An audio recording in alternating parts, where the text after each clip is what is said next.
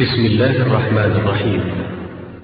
أيها الأحبة يسر تسجيلات التقوى الإسلامية بالرياض أن تقدم لكم هذه المادة والتي هي بعنوان السحر والشعوذة وخطورتهما على الفرد والمجتمع. بسم الله الرحمن الرحيم.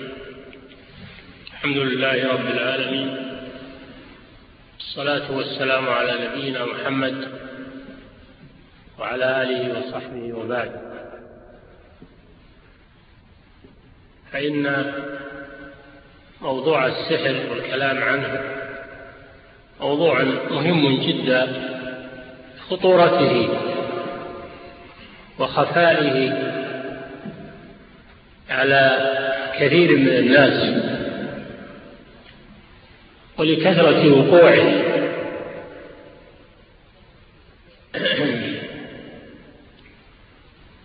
لما يظن أن فيه من الفوائد أو ما فيه من المنافع ولحرص شياطين الإنس وشياطين الجن على ترويجه وتسميته أحيانا بغير اسمه الصحيح. من أجل ذلك يجب الاهتمام بمعرفة هذا المرض العضال وهذا الداء الخطير. فكما أن الأمة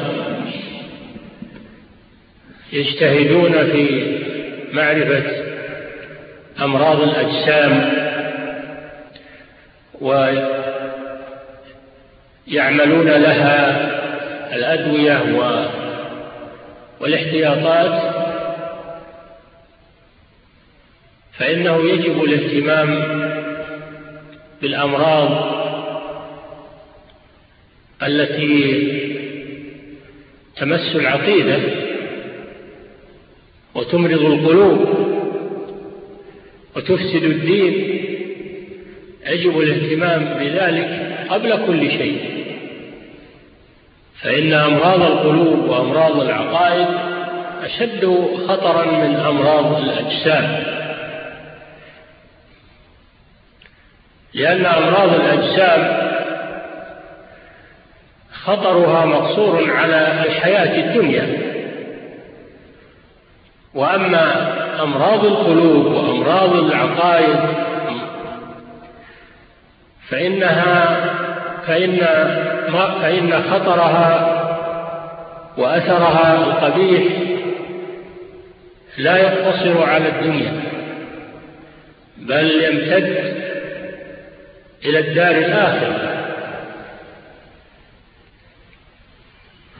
والسحر في اللغة عبارة عما خفي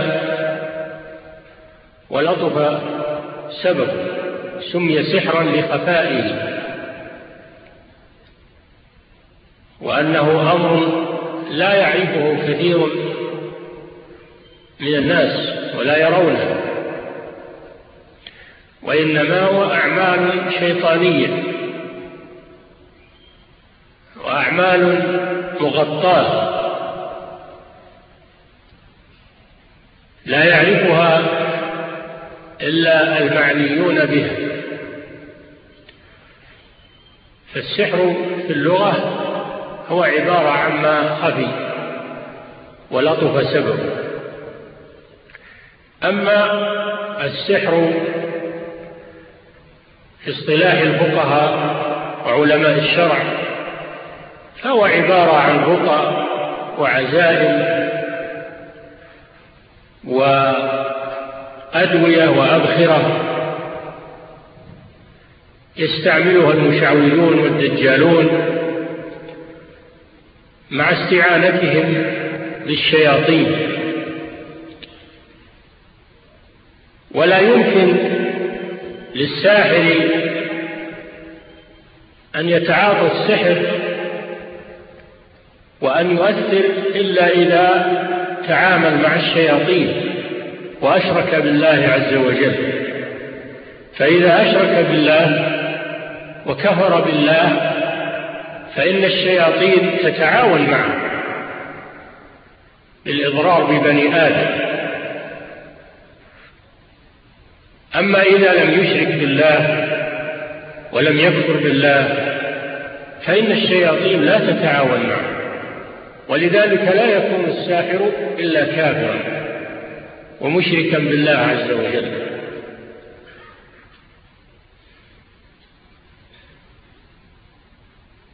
فالسحر إذن والشرك والكفر أمور متقارنة بعضها لبعض لا ينفك بعضها عن بعض.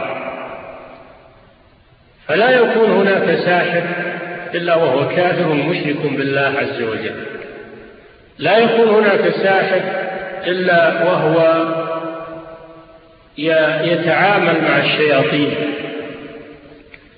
والشياطين تخدمه وتعينه على الإضرار ببني آدم. في مقابل كفره بالله وفي مقابل تضليله للناس وإضراره بالناس والسحر داء قديم في الأمم. ذكره الله في ذكره الله في قوم فرعون وأن السحر عندهم كان معروفا ومعتمدا عليه في وقتهم. ولهذا لما جاءهم موسى عليه الصلاة والسلام برسالة الله سموه ساحرا إما من باب التمويه على الناس أو لاعتقادهم أنه ساحر لأنهم كانوا معنيين بالسحر. فيظنون أن كل من جاء بأشياء لا يعرفونها فيظنونه من السحر. ولهذا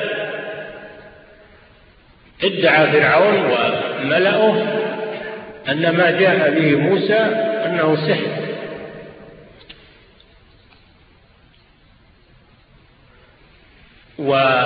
وأراد أن يقابل موسى بالسحر ويقابله فجمع السحرة قال الملأ من قوم فرعون إن هذا لساحر عليم عنون موسى عليه الصلاة والسلام. يريد أن يخرجكم من أرضكم فما لا تأمرون؟ استشيرهم. قالوا أرجه يعني أنظره. لا تستعجل. أرجه أخاه يعني هارون عليه الصلاة والسلام وأرسل في المدائن حاشرين يأتوك بكل ساحر عليم.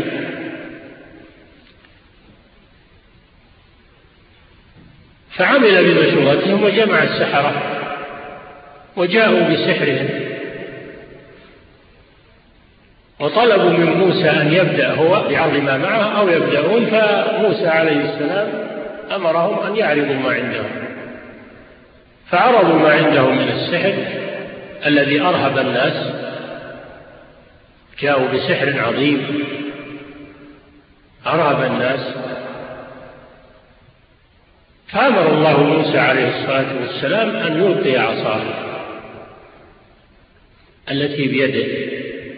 فألقاها فابتلعت كل ما كل ما عملوه من السحر ابتلعته واختفى.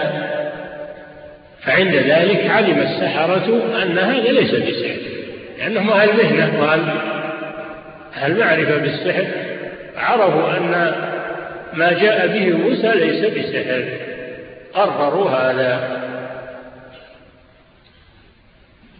فكانت هذه شهادة لموسى عليه الصلاة والسلام بأن ما جاء به ليس بسحر وإنما هو من عند الله وآمنوا به وخروا سجدا لربهم عز وجل تابوا إلى الله.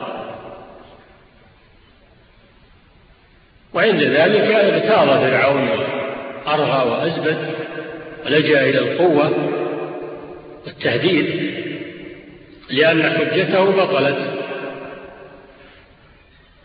وانتهى أمره إلى ما ذكره الله سبحانه وتعالى من الهزيمة والاندحار والهلاك ونصر الله موسى وأخاه ومن معهما من المؤمنين. قال موسى ما جئتم به السحر إن الله سيبطله. إن الله لا يصلح عمل المفسدين ويحق الله الحق بكلماته ولو كره المجرمون. ما يمكن يتقابل الباطل وحق إلا وينهزم الباطل دائما وابدا في كل زمان وفي كل مكان. ولا يمكن أن يتقابل السحر مع معجزة موسى عليه الصلاة والسلام لأن ما جاء به الأنبياء هو من عند الله عز وجل. حق وما يأتي به السحرة فهو باطل. ولا يمكن أن الباطل يقوم في وجه الحق أبدا.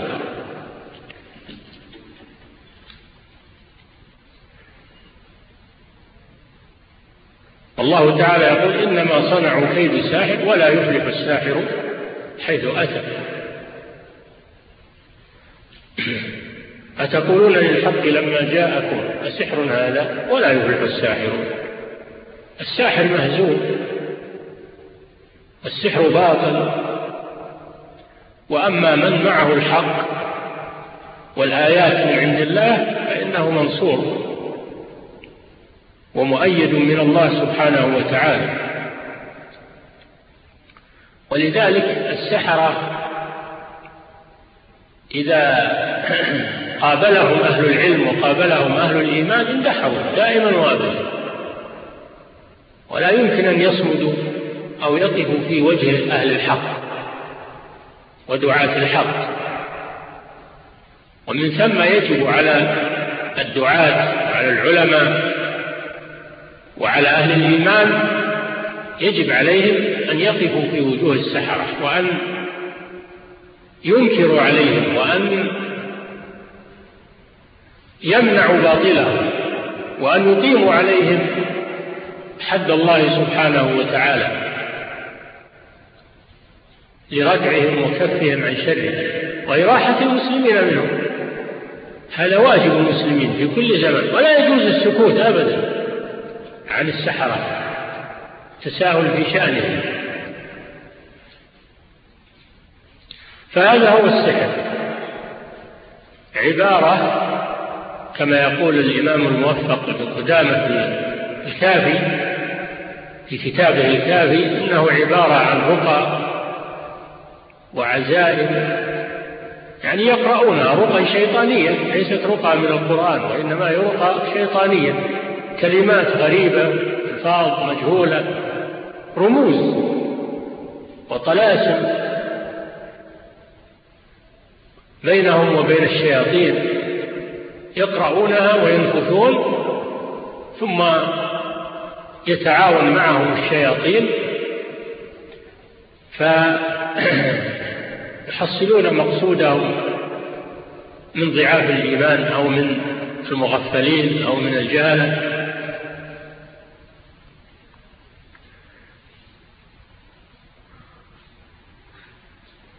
تؤثر هذه الرقى وهذه العزائم وهذه الأبخرة وهذه الأدوية. عرفنا أنها ليست تؤثر من قبل نفسها لأنها عبارة عن أدوية وأبخرة و أو حروف مقطعة لا تؤثر هي بنفسها وإنما هذا بسبب التعاون مع الشياطين وبسبب الإشراك بالله عز وجل والكفر بالله عز وجل. فالله يعاقب من تعاطى هذا بأن يجري على يده شيئا من من الأضرار والمضار ابتلاء وامتحانا. كما قال تعالى وما هم بضارين به من أحد إلا بإذن الله. يعني إذنه الكوني إلا بإذن الله أي قضائه وقدره. وليس المراد إذنه الشرعي فإنه سبحانه لم يشرع السحر ولم يأمر به شرعا. وإنما هذا قضاء وقدر قدره الله سبحانه وتعالى لحكمة. أرادها من ابتلاء العباد واختبار العباد تسليط بعضهم على بعض عقوبة.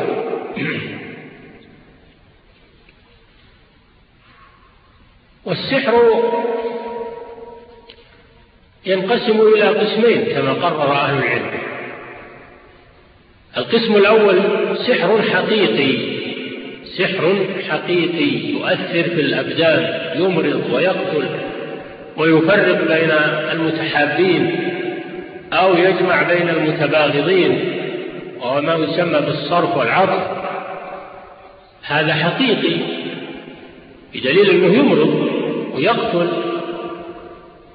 بإذن الله عز وجل ويفسد الود الذي في القلوب ويفرق بين المرء وزوجه. هذا سحر حقيقي. بمعنى أنه ناتج عن أسباب فعلها السحرة من أقوال وأفعال. فهو سحر حقيقي بدليل أثره على الناس من قتل ومرض وبغض وحب وغير ذلك. النوع الثاني سحر تخييلي وهو ما يسمى عند الناس الآن بالقمرة. وهو نتيجة الشعوذة بأن يستعمل الساحر أشياء وإشارات يخيل إلى الناس أنها حقيقة وهي ليست كذلك ليست حقيقة وإنما هو شيء تخييلي على الأبصار فقط بسبب التعاون مع الشياطين. من ذلك ما يعمله السحرة من أعمال غريبة كأن يطعن نفسه في السكين ولا تؤثر فيه أو يبتلع النار ولا تؤثر فيه أو يمشي في النار ولا يجد حرها. هذا في الظاهر وإلا الباطن هو ما مشى في النار ولا طعن نفسه ولا أدخل في جوفه نار يكذب. وإنما خيل إلى الناس هذا الشيء. وقمر على أبصارهم. كما قال الله تعالى سحروا أعين الناس واسترهبوه. سحروا أعين الناس واسترهبوه وجاءوا بسحر عظيم. وذلك أن سحرة فرعون استعملوا هذا النوع من السحر وهو التخييل الذي يخيل إلى الناس أنه حقيقة وهو كذب. جاءوا بعصي يخيل إلى موسى من سحرهم أنها تسعى. وهي لا تسعى عصي عادية. إما أنهم جعلوا فيها مواد خفية تحركها كالزئبق أو أنهم ألقوا عليها شيئا من القمرة. يأتيك مثلا يأتيك الساحر بورق عادي ويخيل إليك أنه نقود يخيل إليك أنه نقود فئة مئة فئة عشرة فئة ريال فئة خمسة. خيل إليك هذا. أو يأتيك بقطع من الحديد أو من الجلود يخيل إليك أنها جنيهات وأنها ذهب. فإذا ذهب عنك عادت إلى طبيعتها. يأتيك بحشرات جعلان ولا قنافس. يخيل إليك أنها أغنام وأنها خراف تمشي. فإذا ذهب من عندك عادت إلى طبيعتها. لأنه وجوده عندك وهو يستعمل القمرة والتخييل. فإذا ذهب التخييل وذهبت القمرة عادت الأشياء إلى حقيقتها. إذا نظرت الأوراق وجدت أوراق سنيد أي الدراهم. إذا نظرت إلى, الحشر إلى الأغنام هذه صارت حشرات عادت إلى طبيعتها. لأنه زال التقيير والتخييل الذي كان يستعمله عند بصرك. هذا يسمى بالسحر التخييلي هذا لا حقيقة له. وإنما هو قمرة وتخييل و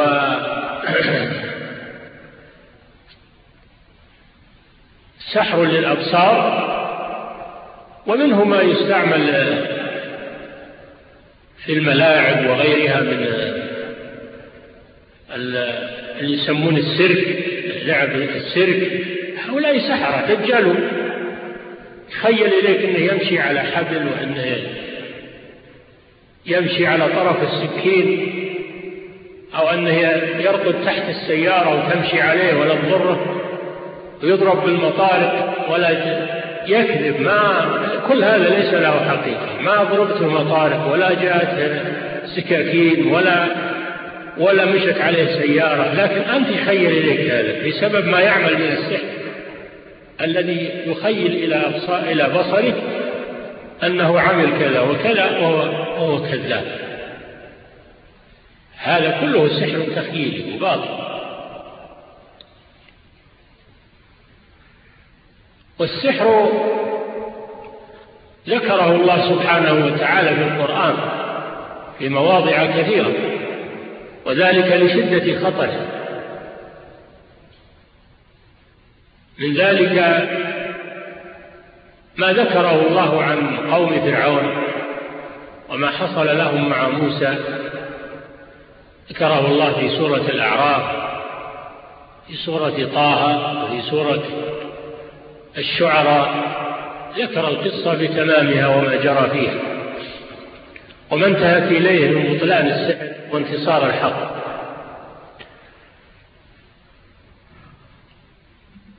وذكره الله عن اليهود. اليهود يتعاطون السحر. وذلك أنهم لما حرفوا التوراة وغيروا فيها عاقبهم الله فاستبدلوا التوراة بالسحر وعلم السحر. استبدلوا علم الوحي الذي جاء به موسى عليه الصلاة والسلام استبدلوه بعلم السحر الذي جاءت به الشياطين. عقوبة لهم لأن من ترك الحق ابتلي بالباطل. هذه سنة الله سبحانه وتعالى. من عرف الحق وتركه ولم يعمل به فإنه يبتلى بالباطل. عقوبة له فلما زاغوا أزاغ الله قلوبهم. والله لا يهدي القوم الفاسقين. فالذي يشتغل بالطاعة هذا يعصمه الله سبحانه وتعالى. والذي يترك الطاعة يبتلى بالمعصية. يبتلى بالمعاصي والفسوق. والذي يترك الإيمان يبتلى بالكفر. والذي يترك العلم النافع يبتلى بالعلم الباطل. وهكذا.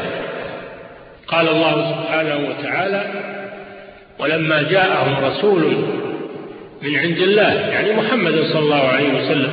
لما جاءهم يعني اليهود.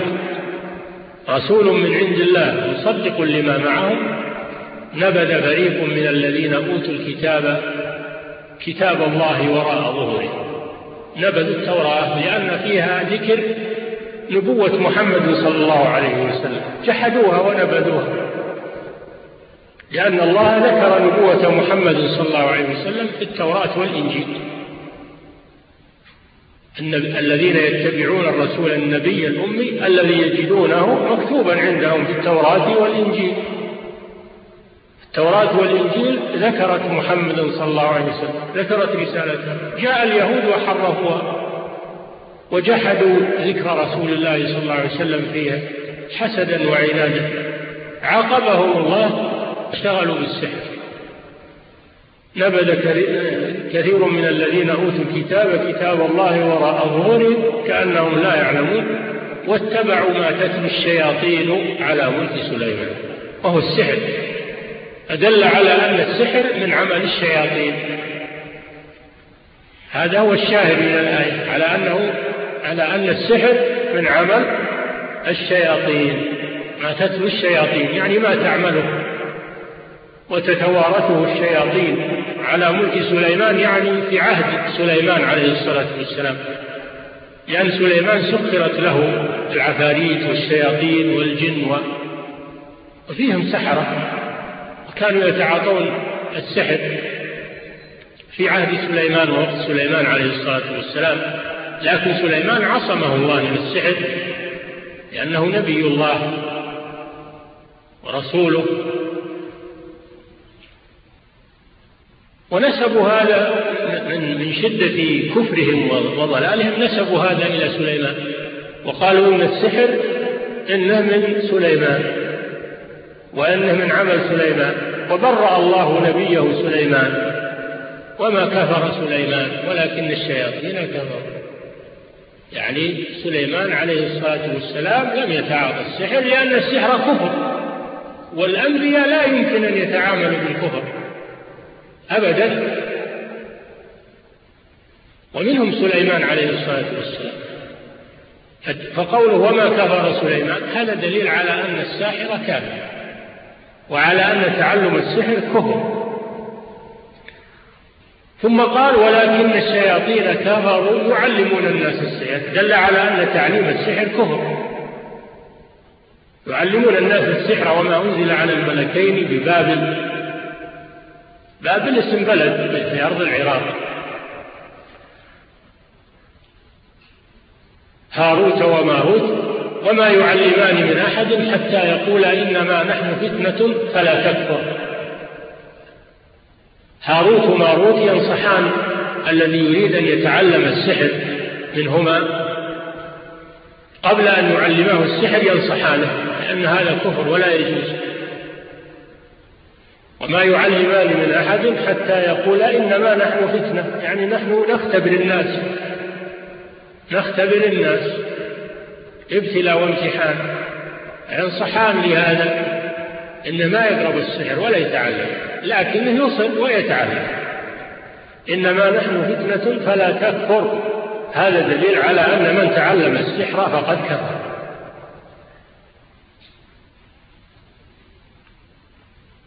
يتعلمون منهما ما يفرقون بين المرء وزوجه. هذا دليل على أن السحر حقيقة وأنه يفرق بين المرء وزوجه. يجعل الزوج يبغض زوجته والزوجة تبغض زوجها. هذا من عمل السحر. وما هم بضارين به من أحد إلا بإذن الله بقدر الله وقضائه سبحانه وتعالى. هو الذي يقدر الخير ويقدر الشر ويقدر الكفر والإيمان ويقدر المرض والصحة.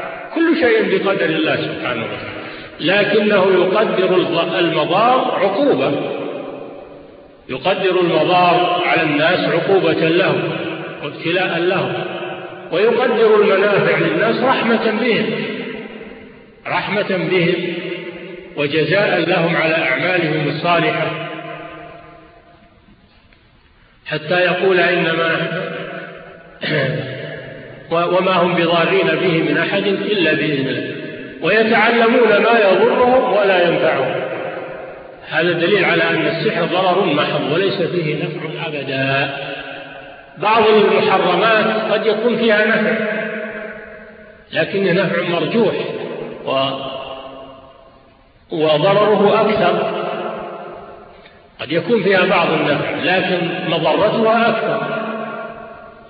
ولذلك حرمت لأن ما كان ضرره أكثر فهو حرام.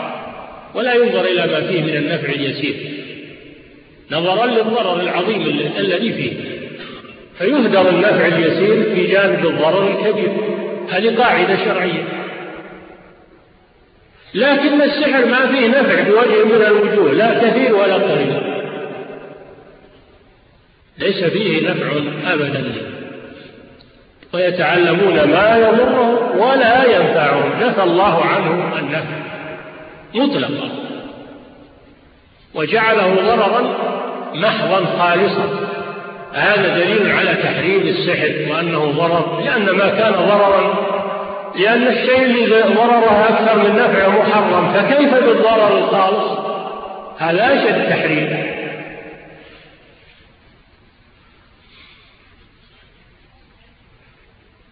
ثم قال ولقد علموا لمن اشتراه يعني استبدل السحر. الشراء هنا معناه الاستبدال تعاطي السحر. لأن الشراء معناه أخذ شيء وإعطاء شيء. الساحر أعطى شيء وأخذ شيئا أعطى الإيمان وأخذ السحر. بمعنى أنه ترك الإيمان وأخذ السحر هذا الشراء. استبدل. استبدل هذا بهذا. استبدل دينه وإيمانه وعقيدته بالسحر. هذا هو الشراء. مثل ما تشتري البضاعة تدفع ثمنها تدفع نقودك وتأخذ بضاعة هذا دفع دينه وعقيدته وأخذ السحر.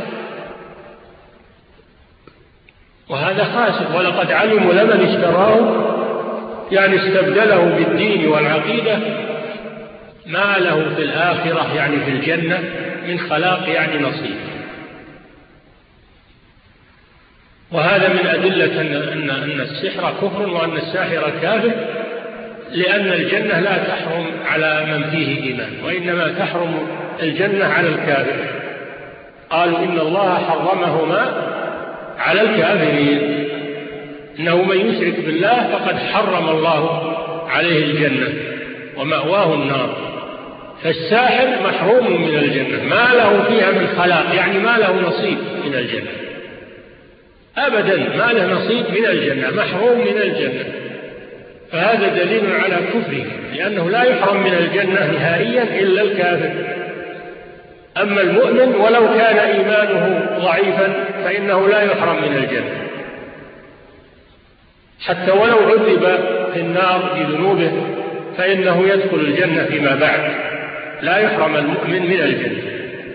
إنما الذي يحرم من الجنة نهائيا هو الكافر. فدل على أن الساحر كافر لأنه حرم من الجنة. فهذه أدلة من هذه الآية الكريمة في مواضع متعددة منها أدلة عظيمة على أن السحر كفر وأن الساحر كافر بالله عز وجل.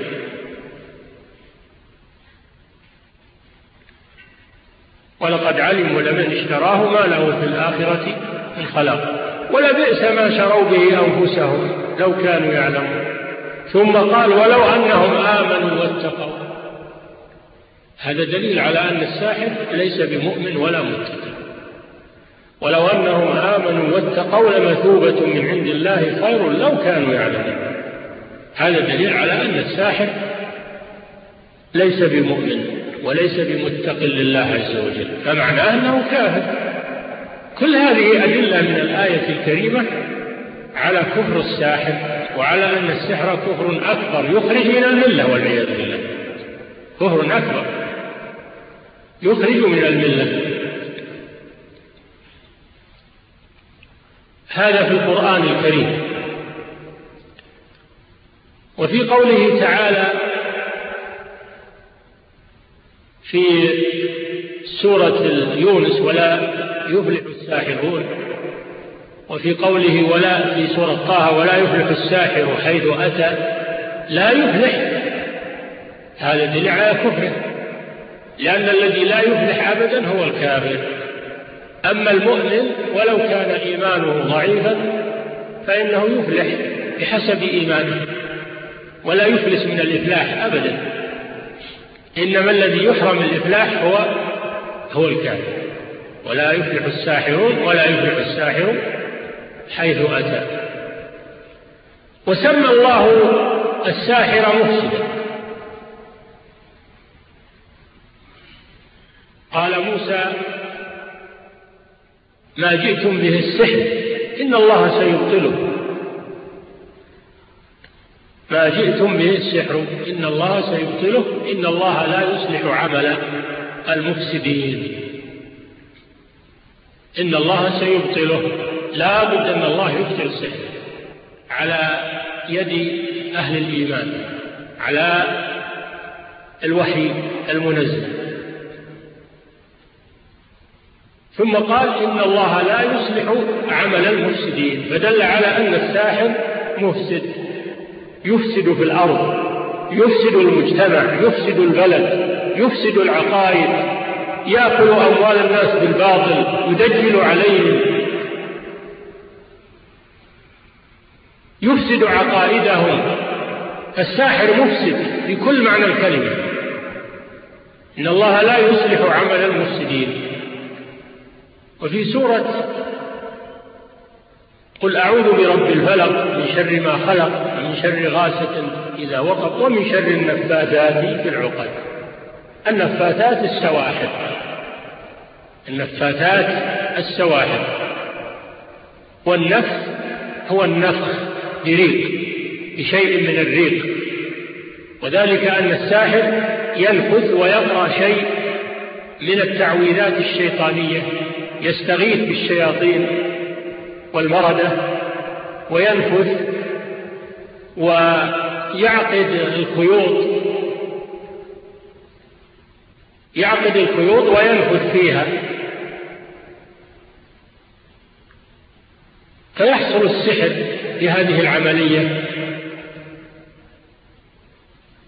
لا لأن الخيوط والعقد هي التي فعلت هذا. وإنما لأنه استعان بالشياطين وأشرك بالله عز وجل واستغاث بالشياطين في نفسه وفي قراءته لأسمائهم ومناداته لهم. لكن المغفل ما يدري ماذا يعملون حسبها مجرد خيوط تعقد ويظن أنها النفس انه قرآن وأنه يقول ما شاء الله يقرأ. هذا يقرأ قرآن هو يقرأ كلام الشيطان ما يقرأ كلام الرحمن.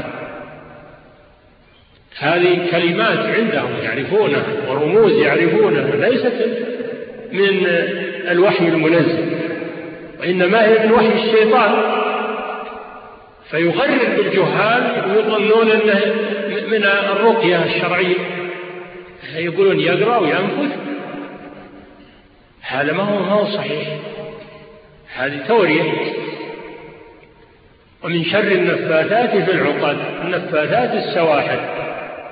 والنفث في العقد كما عرفت أنها تعقد العقدة في الخيط ثم تنفث فيه وتقرأ شيئا من الكلمات الشركية والكلمات الشيطانية.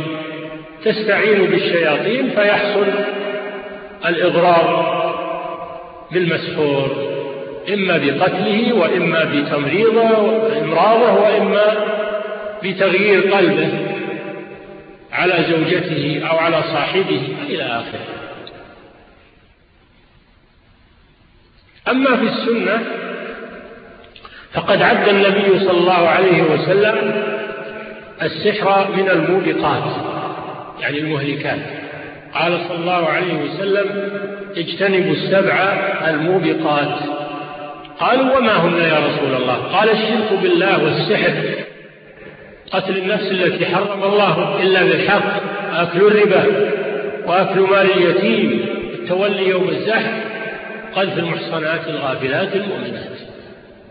الشاهد منها أنه عد السحر هو الموبقة الثانية بعد الشرك. الشرك بالله والسحر فعده في المرتبة الثانية بعد الشرك أدل على قبحه وشدة تحريمه وشناعته وأنه مهلك. الموبقات يعني المهلكات.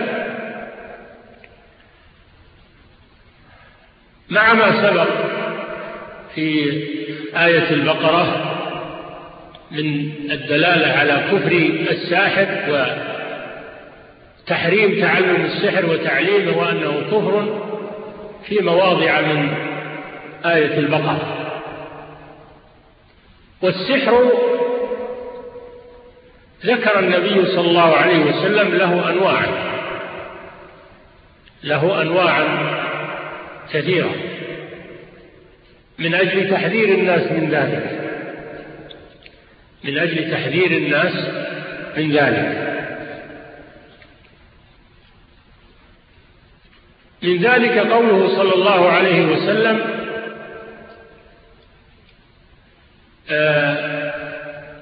من اقتبس شعبة من النجوم فقد اقتبس شعبة من السحر زاد ما زاد.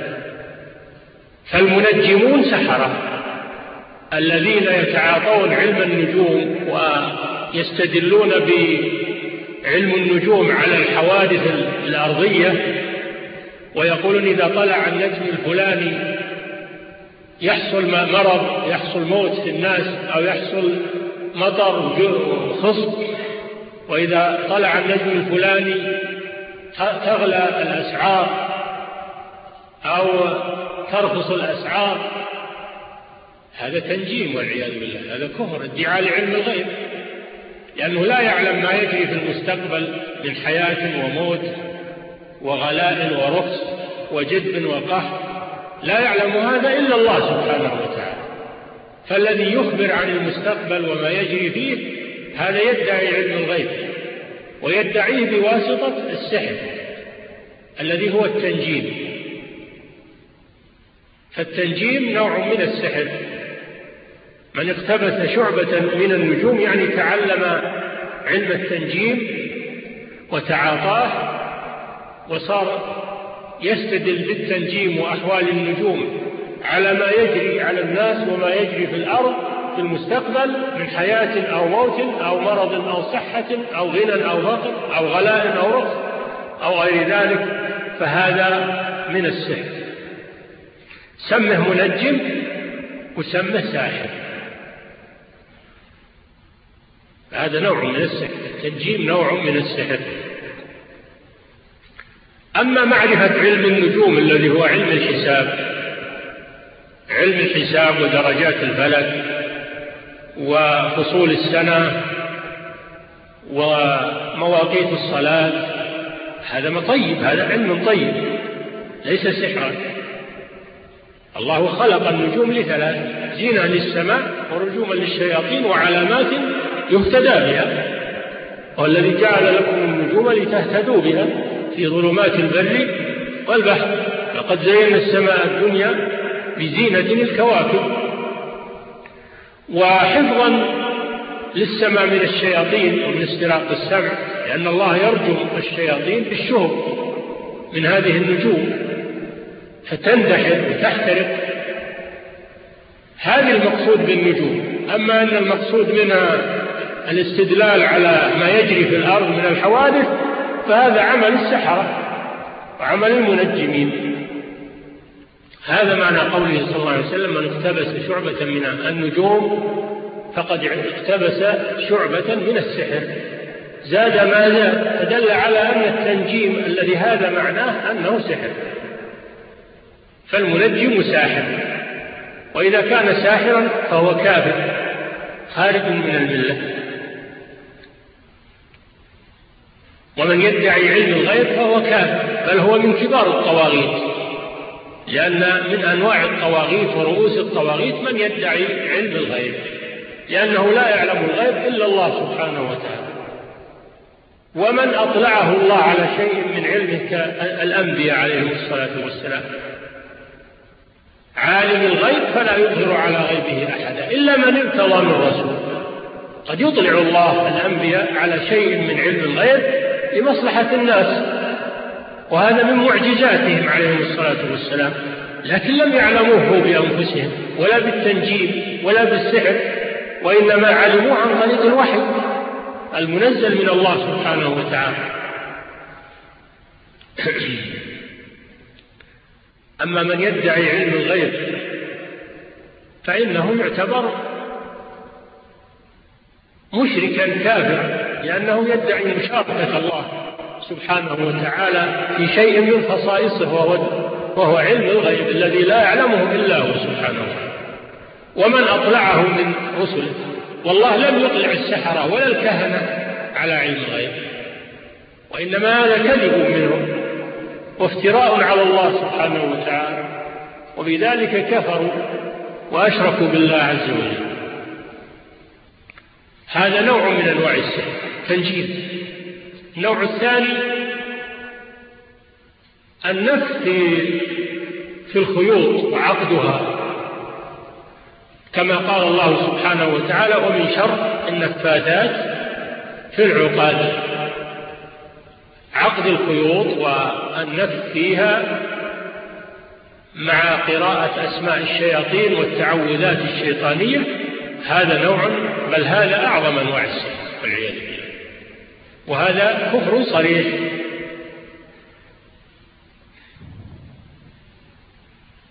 كذلك النبي صلى الله عليه وسلم عد من أنواع السحر علم البيان. قال صلى الله عليه وسلم وإن, من الب... إن في الشعر لحكمة وإن من البيان لسحر. الفصاحة فصاحة اللسان والبلاغة في الخطابة قد تكون من أنواع السحر أحيانا. لأن, لأن الخطيب والمتكلم إذا أعطي بلاغة خيل على الناس وزين لهم الباطل وبهرج لهم الحجج فقلب الحق باطلا والباطل حقا. لأن, لأن الخطيب والمتكلم إذا أعطي بلاغة خيل على الناس وزين لهم الباطل وبهرج لهم الحجج فقلب الحق باطلا والباطل حقا دعاة الضلال والعياذ بالله من هذا النوع. إذا خطب على الناس دعاهم إلى الكفر وإلى الشرك وزين لهم ذلك بكلامه وحججه الزائفة حتى يخيل إلى الناس أنها حق. ولهذا قال صلى الله عليه وسلم وإن من, من البيان من تبعيضية. ما هو كل البيان؟ مذموم. البيان الذي ينصر فيه الحق ويؤيد فيه الحق هذا ممدوح. فالخطيب والبليغ إذا استعمل ذلك لنصرة دين الله وبيان العلم للناس والدعوة إلى الخير هذا ممدوح. لكن الخطيب والكاتب والشاعر إذا استعمل ذلك لنصرة الباطل وتزييف الحق فهذا ساحر. وإن من البيان لسحرا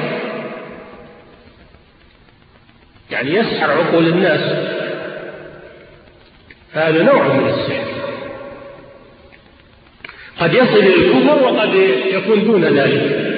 حسب حسب ما ما يؤثر من الباطل.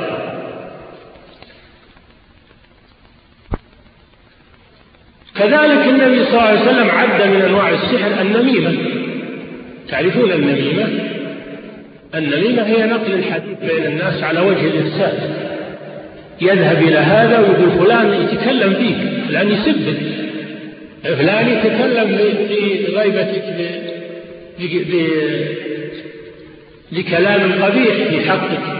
يقول أنت بخيل أنت جاهل أنت كذا وكذا. يعني ثم يشحن صدر هذا الشخص على أخيه ثم يروح للثاني يقول والله فلان يسبك يعني يتكلم فيوقع بين الاثنين عداوة بين الأصدقاء وبين المؤمنين لأن المؤمنين إخوة. فإذا جاء النمام لا يحسي بينهم كل واحد يقول فلان يقول فيك كذا وفلان يقول فيك كذا فرق بين المسلمين. بل ربما أثار الحرب. ربما أثار الحرب بين المسلمين. وربما سبب القطيعة بين المسلمين فلا يتواصلون إلى إلى الموت. وربما يفرق بين الأقارب بين الوالد وولده وبين الأم وولدها وبين الأخ وأخيه. ربما يفرق بين العالم وبين طلابه. ربما يفرق بين طلبة العلم ربما يفرق بين عامة المسلمين ويجعل المجتمع كله شر وكله بغضة وإحن وأحقاد بسبب هذا النمام هذا نوع من السحر لأن السحر كما قال الله يفرق بين المرء وزوجه. النمام مثل هذا يفرق بين الأحباب. ولهذا جاء في كلام بعض السلف إن النمام يفسد في ساعة ما يفسده الساحر في سنة النمام يفسد في ساعة بين الناس ما يفسده الساحر في سنة. لأن الساحر قد يكون إفساده محصور بين اثنين أو بين ثلاث أو جماعة قليلة لكن النمام يفسد المجتمع كله. كل المجتمع. لأنه شغال يطلع من هذا المجلس يدخل بها المجلس. يروح من هذا المكتب إلى هذا المكتب. وهكذا شغال بالنميمة. بحيث أنه يؤجج الشر بين الناس. هذا نوع من السحر. قال صلى الله عليه وسلم ألا أخبركم ما العظم يعني السحر هو النميمة القالة بين الناس. هو النميمة القالة بين الناس. هذا نوع من السحر. وإن كان النمام لا يأخذ حكم الساحر في الكفر النمام لا يكفر. لكن عمله يشبه عمل الساحر. هو لا يكفر في نفسه لأن النميمة كبيرة من كبائر الذنوب. لا تصل إلى حد الكفر لكن النميمة تعطي أو تؤثر مثل عمل الساحر أو أشد. لكن النمام ما يتعاطى شيء من الشرك. النمام ما يستعين بالشياطين. ما يقول كلمات شرك. ما ينفث ويعقد عقد في القيود النمام ما يعمل أعمال الساحر. وإنما سمي ساحرا من ناحية أثر النميمة فقط. والنمام يعتبر فاسقا لأنه فاعل لكبيرة من كبائر الذنوب يجب عليه التوبة إلى الله من ذلك العمل. فهذه من أنواع السحر التي بينها صلى الله عليه وسلم من أجل أن تجتنب. ويبتعد عنها.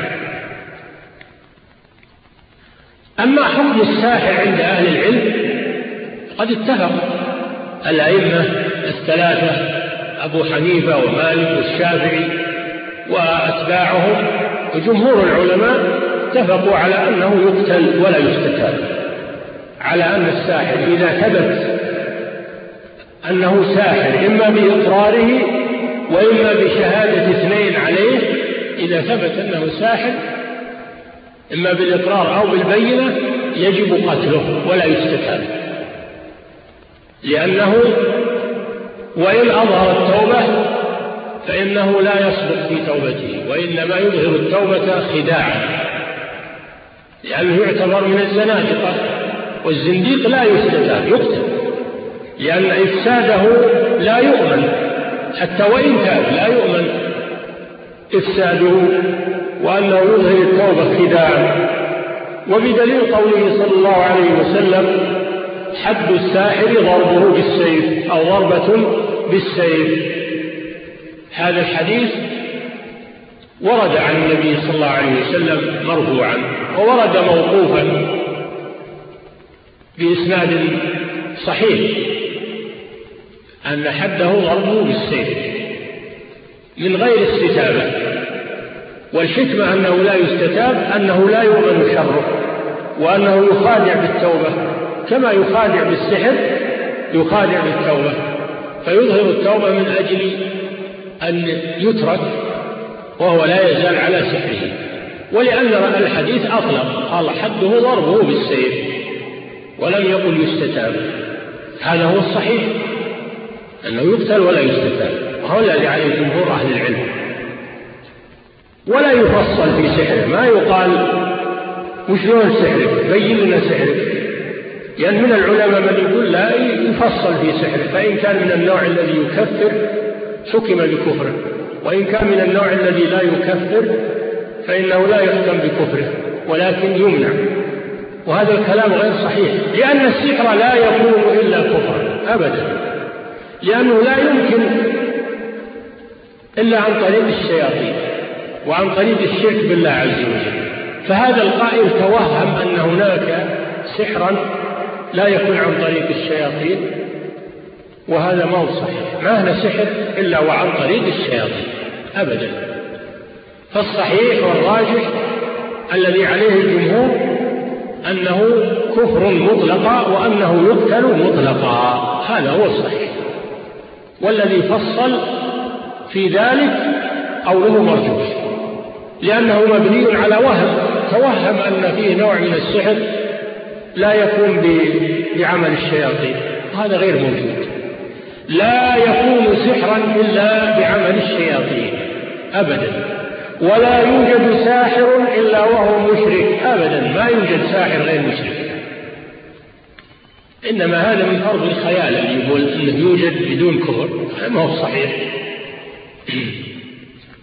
ولا هو كلام عن واقع إنما هو كلام عن ظن فقط.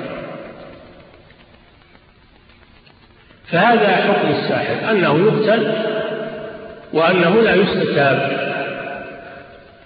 بدليل قوله حد الساحر ضربه بالسيف. ولأن عمر بن الخطاب خليفة الثاني بعد أبي بكر الصديق كتب إلى عماله أن اقتلوا كل ساحر وساحرة ولم يأمر باستتابته.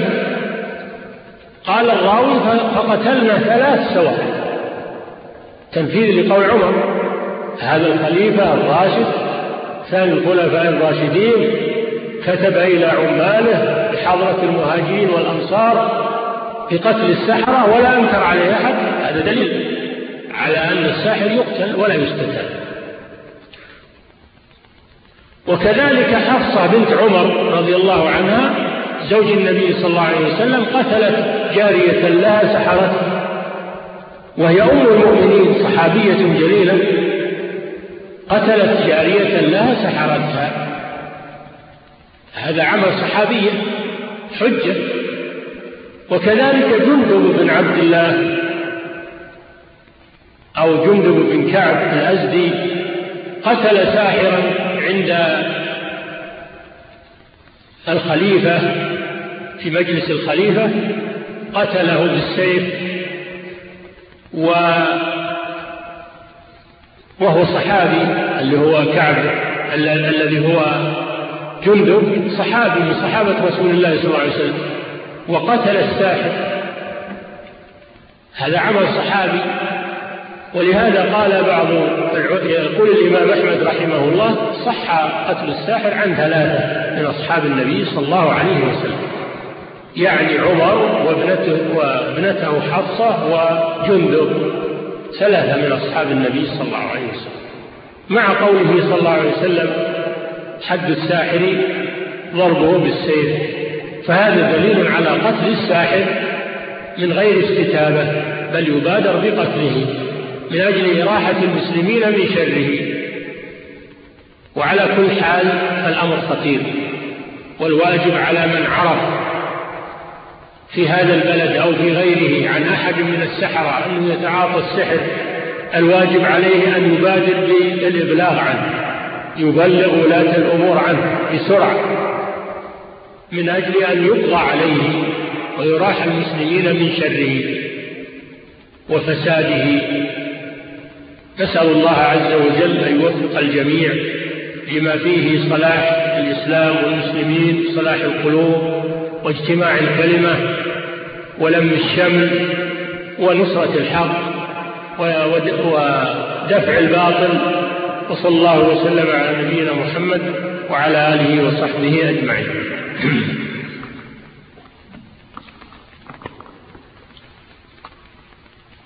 شكر الله لكم. وزادكم علما وعملا.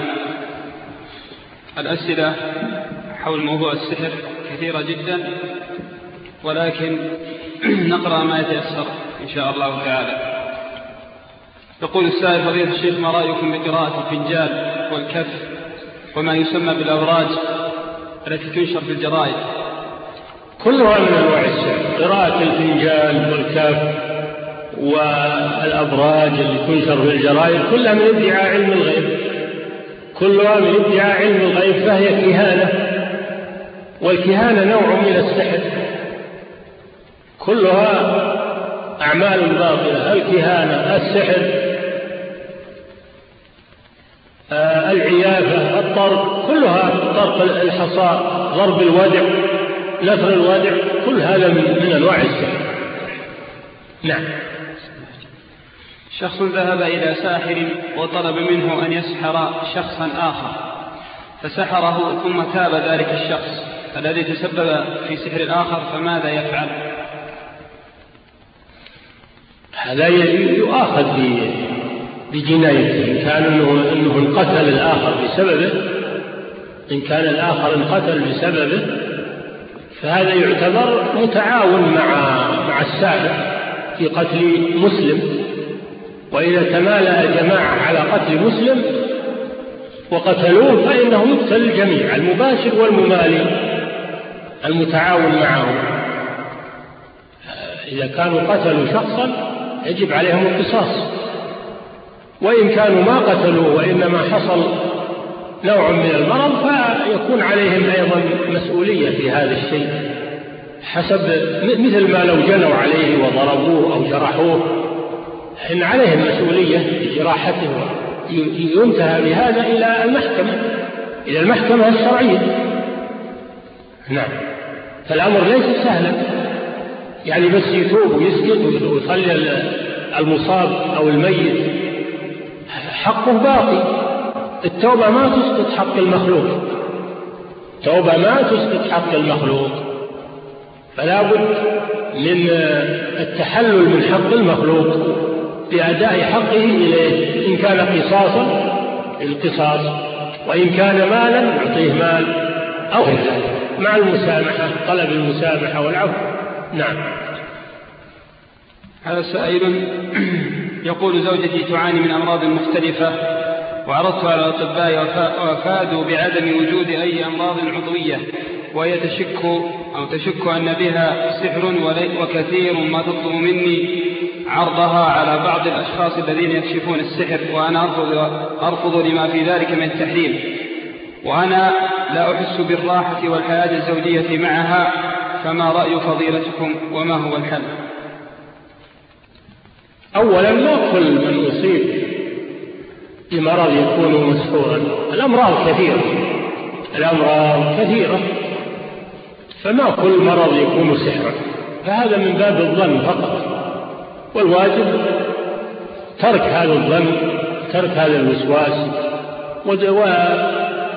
والإلحاح على الله بالدعاء وعمل الرقية الجائزة الشرعية قراءة القرآن على هذه المريضة والإكثار من ذلك تعويلها بالتعويلات الشرعية هذا هو العلاج. أيضا الذهاب للأطباء النفسانيين ربما يعرفون نوع مرضها أو عندهم علاج لهذا الشيء ولا يكون هذا من السحر وحتى لو ثبت أنه سحر فالسحر لا يحل بسحر مثله وإنما يحل بالعلاج الشرعي الذي هو قراءة القرآن والتعويذات وإذا كان هناك أدوية معروفة لحل السحر تعمل. وليس فيها شيء من الشعوذة على أيدي الثقات من أهل العلم والمعرفة. نعم. أما أنه يذهب إلى السحرة لأجل حل السحر هذا لا يجوز. قال الحسن لا يحل السحر إلا ساحر. ولما سئل النبي صلى الله عليه وسلم عن ذلك قال هي من عمل الشيطان. النشرة من عمل الشيطان والنشرة هي حل السحر عن المسحور. نعم. سائل يسأل يقول يوجد بئر يوجد بئر لا يوجد بها لا يوجد به ماء. وهذا البئر يلقى فيه السحر ويعتقد أنه محمي من الجن. هل لنا أن نذهب لنخرج هذا السحر وإبطاله بإذن الله أم نبلغ رجال الحسبة في ذلك؟ أم ماذا نفعل؟ الواجب أنكم تبلغون رجال الحسبة السلطة وتدلونهم على البئر ويقضى عليه يقضى يستخرج ويحرق كما أمر النبي صلى الله عليه وسلم بإخراج السحر من البئر وإحراقه. فإذا كنتم متحققين من ذلك فبلغوا رجال الحسبة ودلوهم على المكان وأعينوهم على إخراجه وإحراقه. نعم. نحن أسرة مؤمنة بالله والحمد لله. كنا نقوم الليل نشيطين في كل الأعمال التي ترضي الله ورسوله. ولكن مشكلتنا أننا سكننا في بيت جديد وعندما سكننا في هذا البيت ظهرت علينا الأمور الآتية الثقل الثقل في قيام الليل الضيق في النفس أو في النفس عدم النوم زيادة حرارة في الجسم زوجتي لا تطيقني وأنا كذلك فهل شيخنا الفاضل هذه الأمور من أمور السحر وماذا ترشدنا وادعوا لنا أنت والحاضرين. جزاكم الله خيرا. قد تكون من أعمال السحر وقد تكون من عمل الشيطان. الشيطان يريد لكم المضايقة وشياطين الإنس والجن. فعليكم بالإكثار من تلاوة القرآن في البيت. إكثار من تلاوة القرآن لا سيما سورة البقرة. قال صلى الله عليه وسلم إن الشيطان يفر من البيت الذي تقرأ فيها الذي تقرأ فيه سورة البقرة. قال صلى الله عليه وسلم ولا تطيقها البطلة. يعني سورة البقرة الشياطين لا يمكن أن يطيقوها. فإذا قرأت في البيت فهذا مما يطرد الشياطين.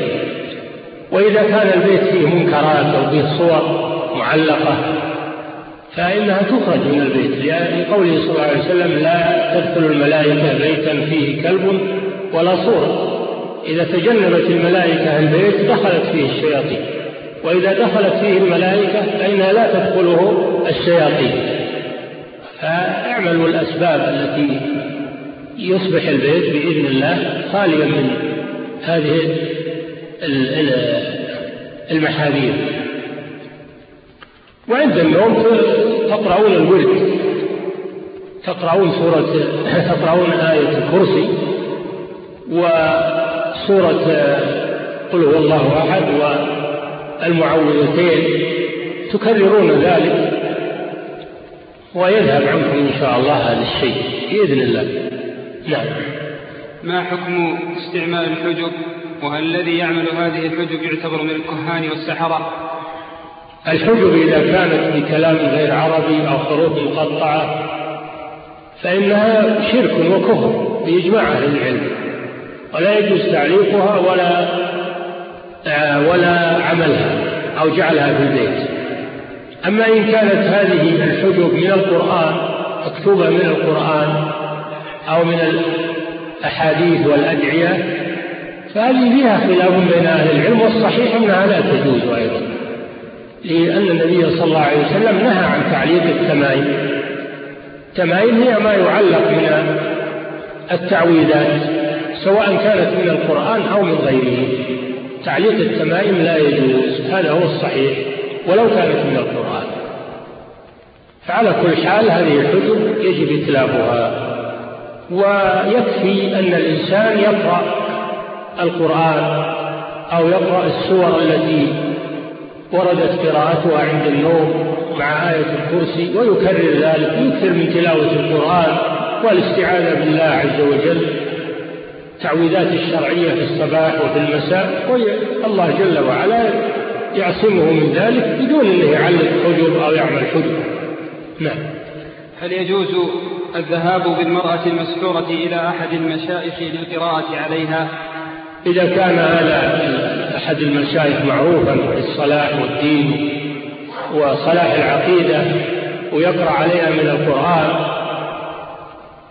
مع التستر والاحتجاب وهذا الشيخ آه، أيضا يكون عنده تحفظ من من الفتنة فلا بأس بذلك.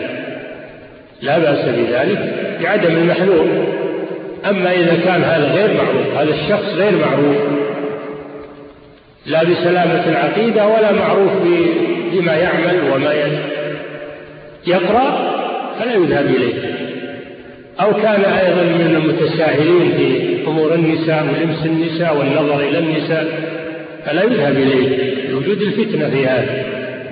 نعم.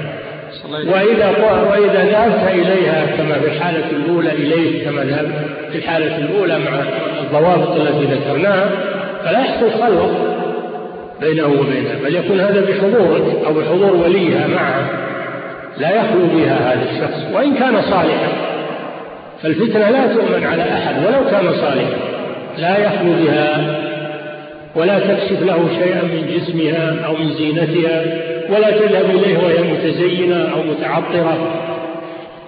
نعم. صلى الله عليكم. ما رأيكم بفتح عيادات مخصصة للقراءة؟ لا هذا لا يجوز. هذا لا يجوز. هذا يفتح باب فتنة ويفتح باب احتيال للمحتالين. وما كان هذا من عمل السلف إنهم يفتحون دور أو يفتحون محلات للقراءة. هذا ما كان من عمل السلف. والتوسع في هذا يحدث شرا. ويدخل فيه فساد ويدخل فيه من لا يحسن لأن الناس يجرون وراء الطمع ودهم يجلبون الناس إليه ولو بعمل أشياء محرمة. من يأمن الناس؟ ولا يقال هذا رجل صالح لأن الإنسان يفتن والعياذ بالله ولو كان صالحا. ففتح هذا الباب لا يجوز يجب ولا نعم.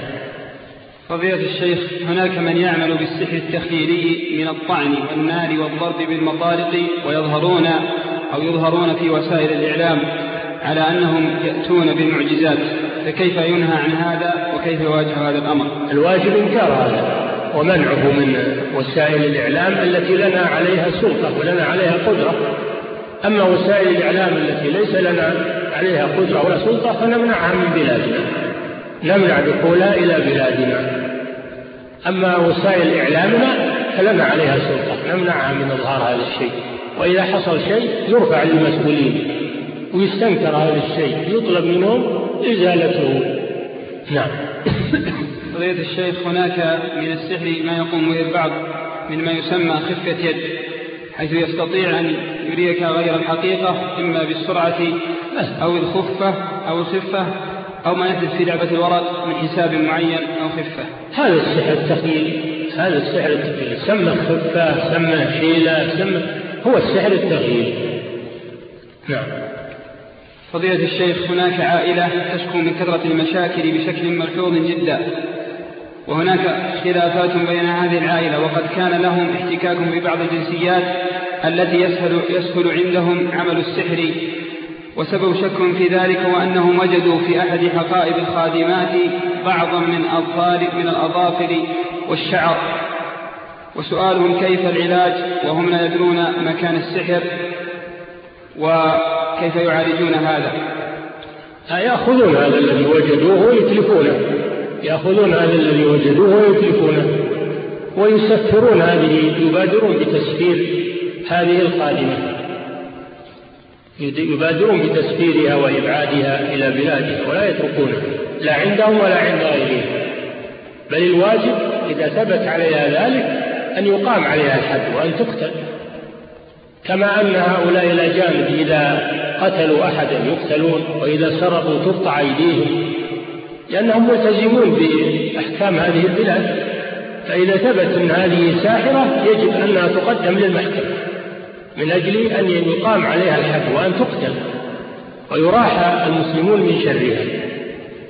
أما إذا ما ثبت شيء وإنما هو تهمة فالواجب أن يبادر بتسفيرها والسلامة منها ومن شرها. نعم. فضيلة الشيخ ما نصيحتكم لمن يقول بأن عصا موسى سحرية؟ هذا كفر بالله والعياذ بالله. موسى عليه السلام ما كان ساحرا وما كانت عصاه سحرية وإنما هي معجزة. من آيات الله سبحانه وتعالى. نعم فاللي يقول هالكلام هذا يتوب إلى الله. هذا هذا كلام شنيع نعم. فضيلة الشيخ هل الاستدلال بالنجوم على المواقع الأرضية سحر؟ ما تستدل ما النجوم ما تدل على المواقع الأرضية. إنما تدل على الطريق والاتجاه. المسافر إذا رأى النجم يعرف الاتجاه ويعرف الطريق. هذا المقصود. والبحر تهتدوا بها في ظلمات البر والبحر سفن في البحر تعرف بها الاتجاه الصحيح. هكذا. أما أن تدل على المواقع ما أدري إيش قصدي بالمواقع يعني الطرق والبلاد ممكن. نعم. أما غير ذلك لا. نعم. فضيلة الشيخ بعض بعض الناس عندهم جهل بالقراءة ويستعون ويستعينون بالجان ويقولون هذا جني مسلم ويسألونه عن مكان السحر فهل من كلمة بهذا الموضوع؟ لا يستعان بالجان لا المسلمين منهم ولا غيرهم وما الذي يدرينا أنه مسلم؟ يقول أنه مسلم وهو كذاب. يقول أنه مسلم وهو كذاب من أجل أن يتدخل مع مع الإنس. فيسد هذا الباب من أصله ولا يجوز الاستعانة بالجن. ولا قول إنهم مسلمون لأن هذا يفتح الباب. والاستعانة بالغائب لا تجوز سواء كان جنيا أو غير جني سواء كان مسلما أو غير مسلم. استعانة بالغائب لا تجوز إنما يستعان بالحاضر الذي يقدر على الإعانة. الحاضر الذي يقدر على الإعانة. كما قال الله تعالى عن موسى فاستغاثه الذي من شيعته على الذي من عدوه هذا حاضر ويقدر على الإغاثة فلا مانع من هذا. من الأمور العادية لكن غايب ما تشوفه وتناديه وتستعين هذا ما يجوز. نعم. ما حكم تحضير تحضير الأرواح؟ وهل هو نوع من أنواع السحر؟ لا شك تحضير الأرواح نوع من أنواع السحر. وهذه الأرواح ليست هي أرواح الموتى كما يقول وإنما هي شياطين تتمثل شياطين تتمثل بأرواح الموتى. تقول أنا روح فلان أو أنا فلان هذا من الشياطين لا يجوز.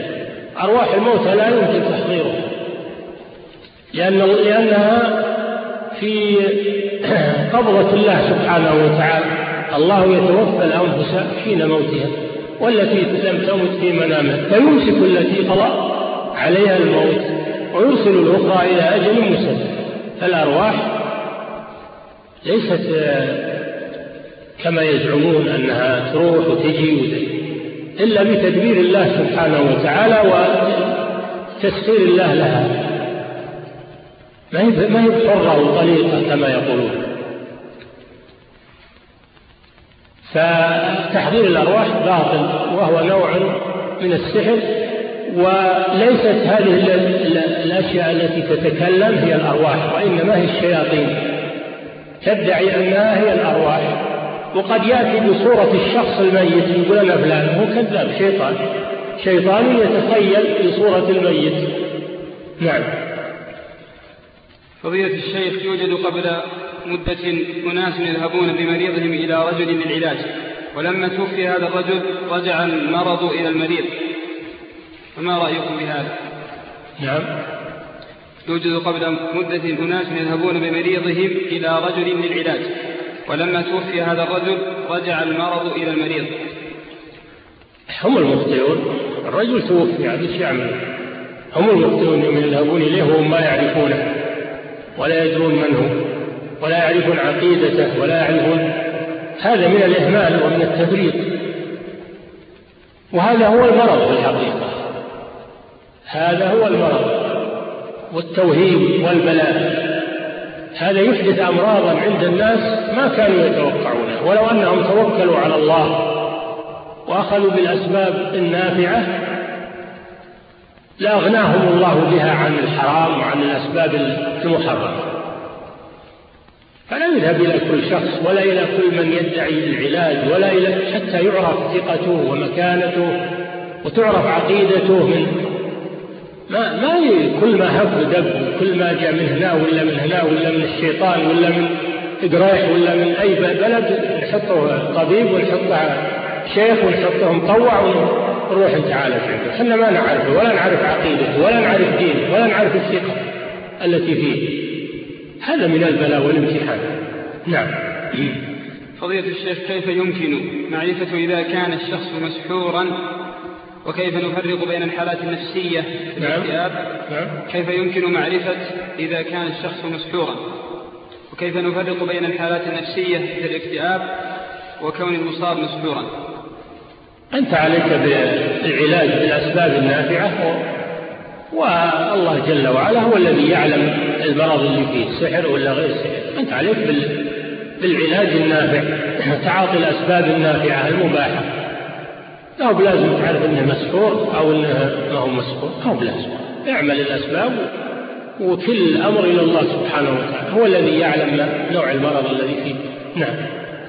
صلى الله إليك بعض الناس إذا أراد أن يبني بيتا ذبح في هذا البيت خروفا أو شاة وقال هذا من أجل أن يثبت البنيان والأصل. هذا شرك بالله عز وجل. هذا ذبح للجن. لأنهم يذبحون هذا على عتبة البيت أو إذا حطوا مشروع شركة أو مصنع يذبحونه أول ما تدار الحركات وال... يقولون هذا أنه فيه مصلحة للمصنع وفيه هذا شرك بالله عز وجل لأن هذا ذبح للجن واعتقاد للجن هم الذين أمروهم بهذا وأوحوا إليهم أن هذا الذبح ينفعهم وأنه من ذبح لغير الله فقد أشرك وفي الحديث لعن الله من ذبح لغير الله. قال الله سبحانه وتعالى قل إن صلاتي ونسكي ومحياي ومماتي لله رب العالمين.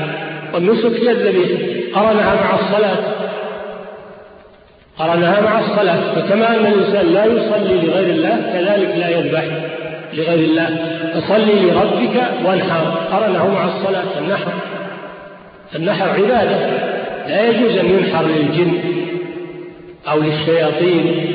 بحجة أن هذا ينفع المشروع أو يطرد الجن عن البيت أو ما أشبه ذلك هذا اعتقاد باطل وشرك بالله عز وجل واستعانة بالشياطين. نسأل الله العافية. فإذا الشيخ ما رأي فضيلتكم في امرأة تضع المصحف بجانب طفلها الصغير بقصد حمايته من الجن وهذا الوحدة عند انشغالها وتركه وحده. العمل هذا لا يجوز هذا امتهان للمصحف. فيه إهانة للمصحف. يجب أن المصحف يرفع ويصان يبعد عن الطفل وعن ولا وليس هذا العمل مشروعا. ليس هذا العمل مشروعا أن الإنسان يجعل المصحف عند الطفل أو يجعله على صدره إذا نام أو ما أشبه ذلك أو يتوسده أو يجعله في لحافه أو ما أشبه ذلك. المصحف يكرم ويصان عن هذا الشيء. نعم.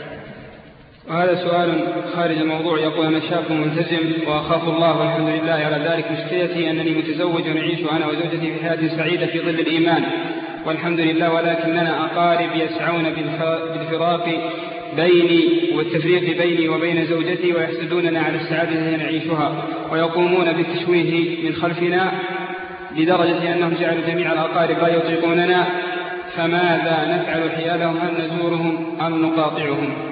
زورهم ولعل الله يذهب ما بهم من الكراهية لكم. زورهم وواصلوهم وأكرموهم. فإن الله جل وعلا يقول ولا تستوي الحسنة ولا السيئة ادفع بالتي هي أحسن. فإذا الذي بينك وبينه عداوة كأنه ولي حميد. فإذا قابلت السيئة بالحسنة فإن الله يعينك. قد جاء في الحديث عن رجل أنه قال للنبي صلى الله عليه وسلم إن لي قرابة أصلهم ويقطعونني وأحسن إليهم ويسيئون إلي. فقال صلى الله عليه وسلم إن كنت كما تقول فإنما تسفهم المل ولا يزال معك عليه من الله ظهير يعني معين. فالإنسان يقابل السيئة بالحسنة لا سيما مع الأقارب.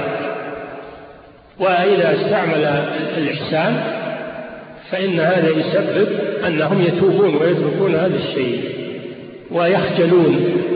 نعم هذا هو العلاج الصحيح. نعم. آخر سؤال. من إحدى النساء تقول امرأة حامل وبعد مدة أربعة أشهر جاءتها العادة كما يجيء النساء من غيرها ثم انقطعت ثم إذا انقطعت غسلت وصلت وهذه الحالة صارت معها أربعة أشهر.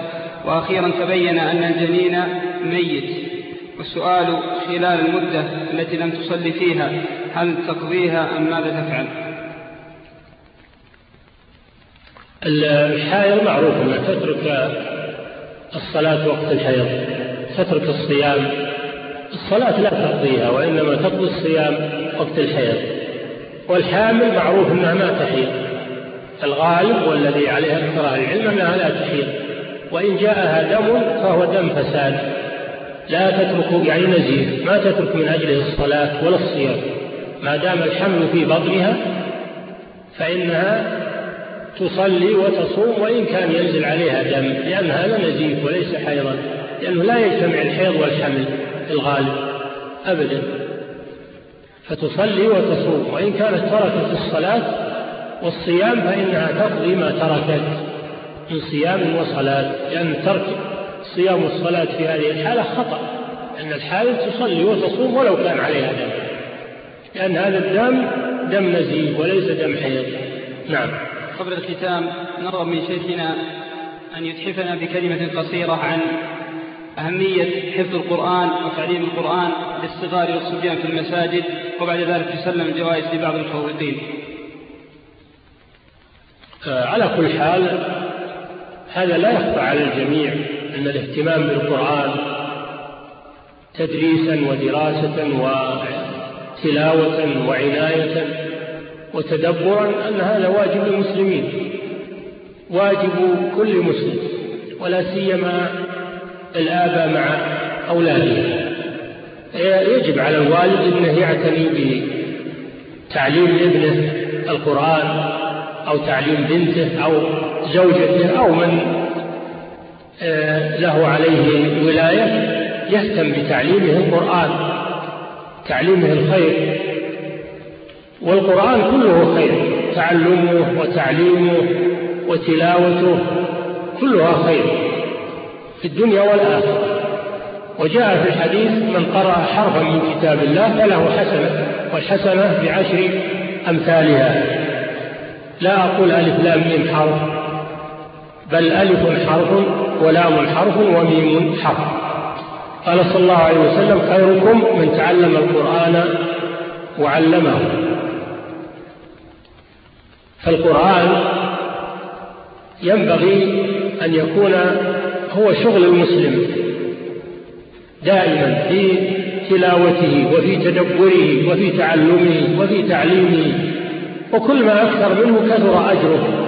وكل ما أكثر منه كثر انتفاعه بالقرآن وكل ما ابتعد عنه وهجره قسى قلبه وثقلت عليه الأعمال وتغير حاله. فالقرآن كله خير لأنه نور. الابتعاد والابتعاد عن النور يوقع في الظلمة الاقتراب من النور يبصر الإنسان. فالواجب أن نهتم بكتاب الله عز وجل. في أنفسنا وفي أولادنا وفي إخواننا المسلمين ونتعاون أيضا نتعاون مع الجمعيات والجماعات التي تدرس القرآن لأن هذا من التعاون على البر والتقوى. قد قال الله تعالى وتعاونوا على البر والتقوى. الله تعالى أعلم وصلى الله وسلم على نبينا محمد وعلى آله وصحبه. أيها الأخوة بموجب فهرس تسجيلات التقوى فإن رقم هذا الشريط هو أحد عشر ألفا ومائة وواحدا وثمانون.